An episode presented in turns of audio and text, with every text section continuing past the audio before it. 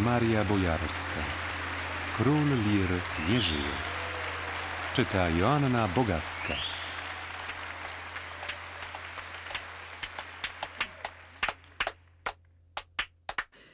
Jak doszło do tego, że Tadzio został towarzyszem?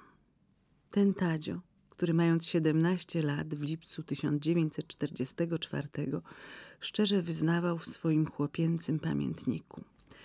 Wzdrygam się na myśl o szarej masie pod czerwonym sztandarem, która niebawem nadejdzie ale i ten sam, który w parę zaledwie dni później, widząc powracających z jakiejś kampanii Niemców, w tymże pamiętniku zanotował wewnętrzne rozdarcie.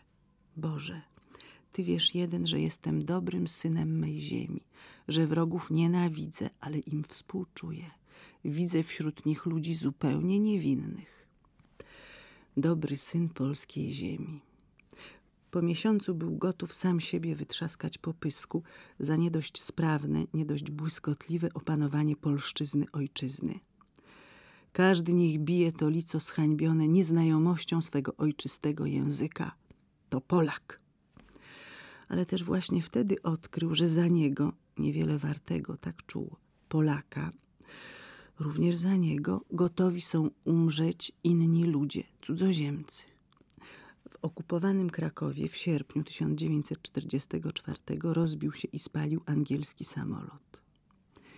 Jaki dziwny splot okoliczności sprawił, że ci ludzie, byli to Amerykanie, urodzeni za morzami, wychowani na drugiej półkuli, pełni życia i młodzi, giną na naszej ziemi, giną dla idei wspólnej, światowej. Stąd już tylko jeden krok do idei wszechświatowej rewolucji, czyż nie? A przecież brak w pamiętniku wielu rzeczy, które zdarzyły się w tamtych latach, lub trochę wcześniej, albo trochę później, wielu konkretnych scen i obrazów, z których można by wysnuć istną powieść sensacyjną. Brak również wielu nieuchwytnych drgnień duszy, zasmuceń serca. Nie ma na przykład kolumny Żydów wyprowadzanych z krakowskiego getta i tej zapamiętanej na zawsze starej, niedołężnej kobiety, oburącz dźwigającej pierzynę, z trudem stawiającej chore na elefantiasis nogi. Nie ma nic o Rosenbaumie, bezimiennym robotniku kolejowym ze stacji Płaszów, który z dnia na dzień zniknął z życia kilkunastoletniego Tadzia, również robotnika. Nie ma w pamiętniku człowieka skatowanego przez policję, chyba przez policję, jeszcze w latach trzydziestych przed wojną. Przed wojną, ale po strajku chłopskim.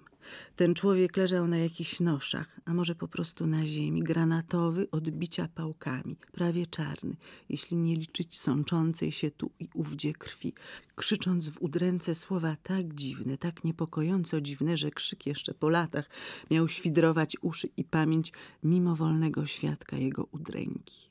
Matko Boska, uwierzę w Ciebie, tylko nie pozwól im tak mnie bić.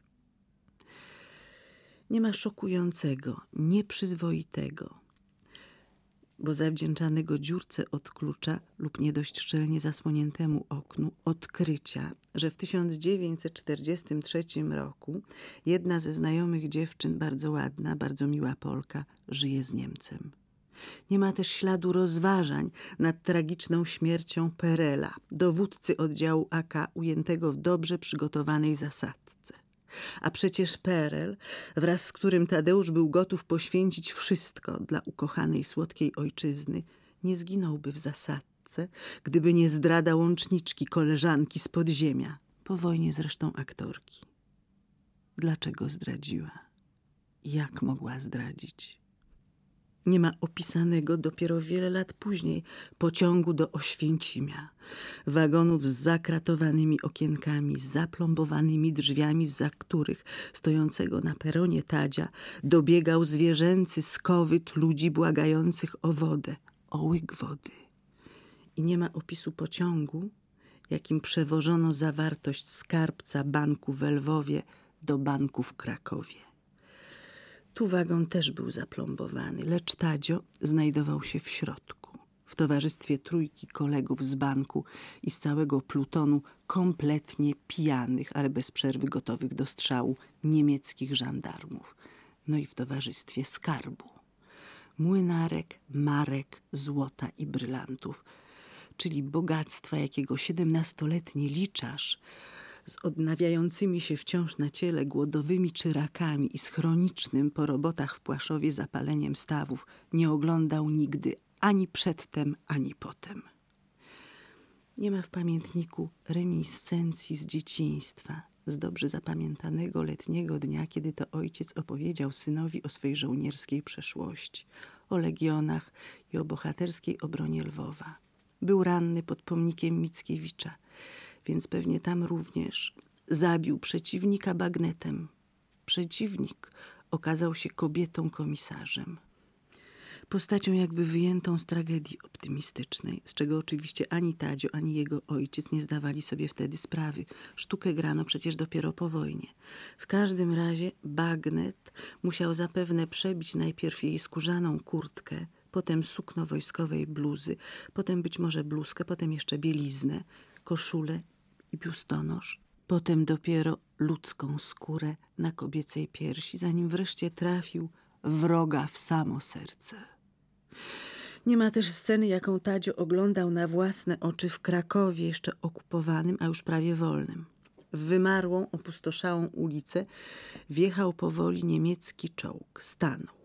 Z otwartego luku wynożyła się sylwetka oficera, który już miał podnieść do oczu wojskową lornetkę, gdy nagle, nagle, gdzieś w oddali, rozbrzmiało jakby brzęczenie, dziwny szum, w którym kryształowa cisza mroźnego poranka momentalnie pozwoliła rozróżnić tysiączne unisono głosów wołających i to coraz bliżej najsłynniejsze przekleństwo świata.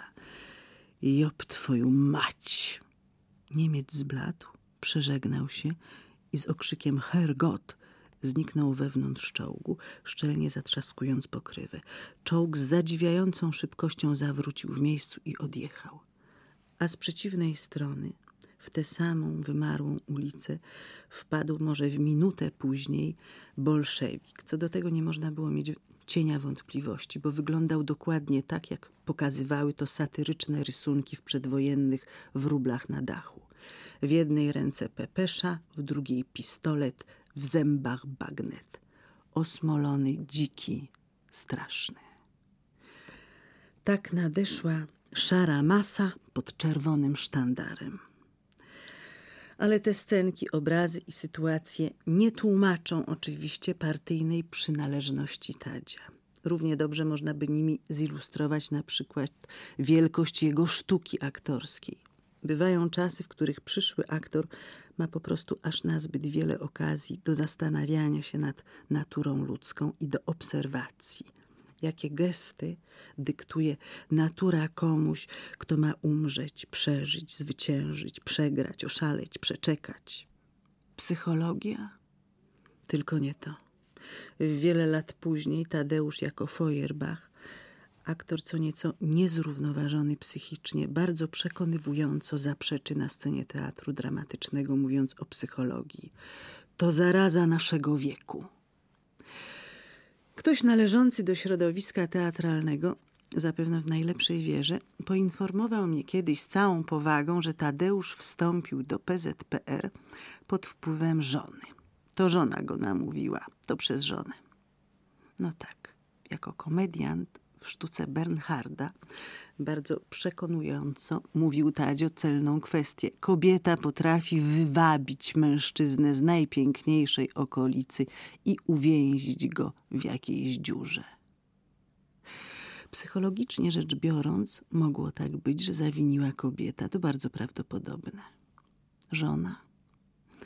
Pewnie żona skoro Tadeusz Łomnicki urodził się żonaty, do tego stopnia żonaty, że gdy w 1984 miałam wypadek i Tadzio zapytany przez znajomą, co u niego słychać, powiedział jej szczerze o swoim wielkim zmartwieniu. Żona miała wypadek i leży w szpitalu. Znajoma okazała uprzejme zainteresowanie, dopytując się, która żona. Zerwał z nią stosunki. Raptus.